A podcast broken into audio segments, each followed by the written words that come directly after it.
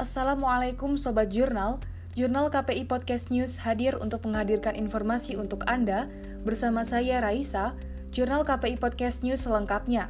Berita pertama. Ustadz Somad sepakat haram, catur populer di zaman kekhalifahan. Ustadz Kondang Abdul Somad menyepakati bahwa permainan catur hukumnya haram. Dalam sejarahnya, permainan catur mulai muncul di India dan sempat begitu populer di zaman kekhalifahan Islam.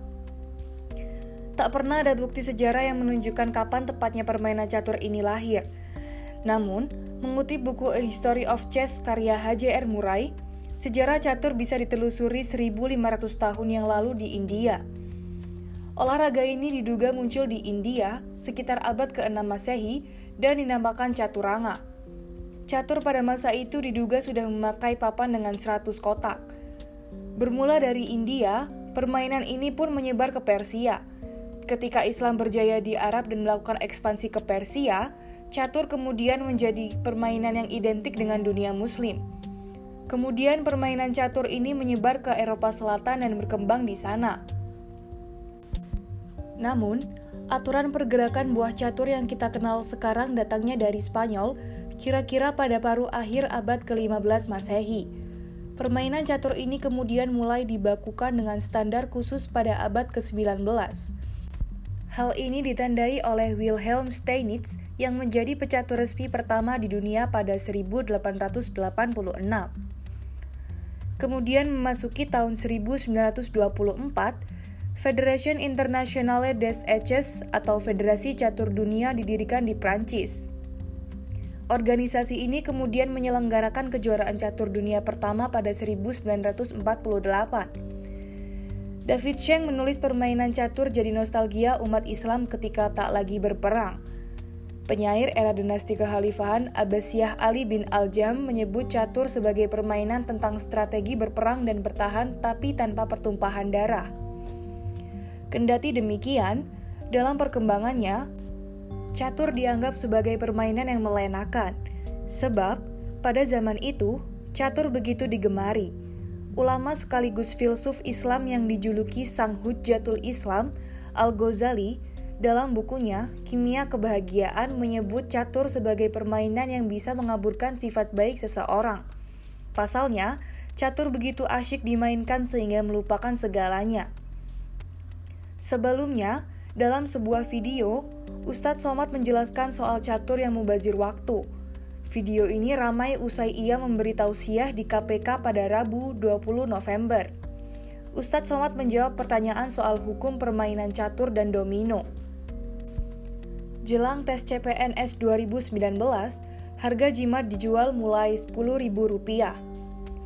Pendaftaran calon pegawai negeri sipil masih terus berlangsung.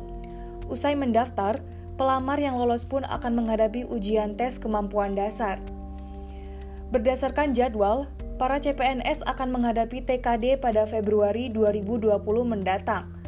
Berbagai persiapan pun dilakukan seperti belajar, bahkan ada yang membeli jimat sebagai bentuk peruntungan.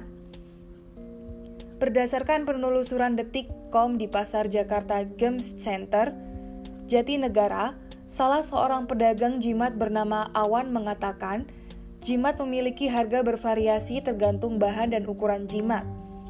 Namun, untuk tes CPNS biasanya media yang digunakan umumnya dari kulit, kertas aksara Arab dan Jawa kuno, hingga buku mini. Di lapak awan, jimat paling murah dibanderol seharga Rp10.000 per jimat untuk jenis isim, sedangkan jimat paling mahal dipatoknya seharga Rp50.000 per jimat untuk jenis haikal. Sedangkan Jimat dengan jenis wafak yang terbuat dari kulit sapi dijualnya seharga 15 sampai 25 ribu rupiah. Terlihat sebuah Arab gundul tertera di kedua sisinya. Selain jimat dari kulit sapi, Awan kemudian menunjukkan jimat jenis lainnya yang juga cukup banyak dicari, yakni sebuah Al-Quran yang dibuat sangat kecil, seukuran ibu jari. Lantaran ukurannya sangat mini, membuat tulisannya sulit terbaca. Berikut daftar harga jimat yang detik.com temukan di Pasar Jakarta Games Center, Jatinegara. Jimat jenis haikal, Rp50.000. Jimat jenis wafak kulit sapi, Rp15-Rp25.000. Jimat jenis isim Rp10.000.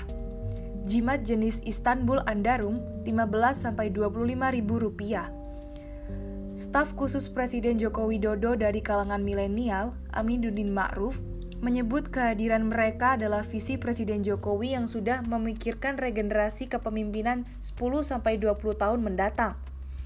Dengan begitu, staf sus di kalangan milenial nantinya bisa mengetahui sistem pemerintahan dan negara. Dia mengakui tugasnya adalah memvariasikan kebijakan-kebijakan dalam sentuhan kreativitas dan inovasi ia menyanggah jika staf sus dari kalangan milenial disebut gimmick politik, apalagi politik akomodatif. Menurutnya, berlebihan jika penunjukan staf sus di kalangan milenial disebut gimmick. Presiden Jokowi memberikan kesempatan untuk mengelola pemerintah dan negara. Lalu, para staf sus diberikan pembekalan dan pembelajaran. Mereka juga saling berdiskusi apa yang menjadi pembenturan pemerintah dan birokrasi. Amin mengatakan, Sosok staf sus dari kalangan milenial patut dicontoh karena mereka memiliki pendidikan, pengalaman, dan karya yang luar biasa di bidangnya masing-masing.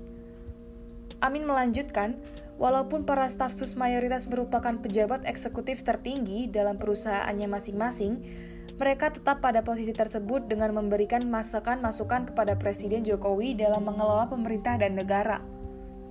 Sebelumnya, Juru bicara Partai Keadilan Sejahtera, Muhammad Khalid mengatakan, Presiden Jokowi harus menjelaskan secara terperinci tugas staf sus dari kalangan milenial. Keberadaan staf sus dari kalangan milenial memang benar-benar membantu Jokowi dalam perumusan kebijakan. Namun, perlu ada tugas yang jelas bagi para generasi muda tersebut. Khalid menambahkan, saat ini pemerintah sudah memiliki sejumlah lembaga yang memiliki kewenangan untuk memberikan masukan terhadap presiden, di antaranya Menteri Sekretaris Negara, Kantor Staf Kepresidenan, Deputi, Utusan Khusus Presiden, hingga Dewan Pertimbangan Presiden. Saat ini semua itu ditambah dengan tujuh staf sus yang berasal dari kalangan milenial. Kolit menyarankan, jika Presiden menambah staf susnya, harus ada kebijakan yang jelas terkait dengan strategi mengelola bonus demografi yang ada. Sedangkan pertumbuhan ekonomi masih tetap berada di sekitar 5%. Dia mengaku khawatir lembaga pemerintah yang banyak ini justru membuat Presiden Jokowi nantinya bingung dalam mengambil keputusan kebijakan. Itulah beberapa berita dalam sepekan yang bisa saya sampaikan. Saya Raisa beserta kru yang bertugas pamit undur diri. Wassalamualaikum warahmatullahi wabarakatuh.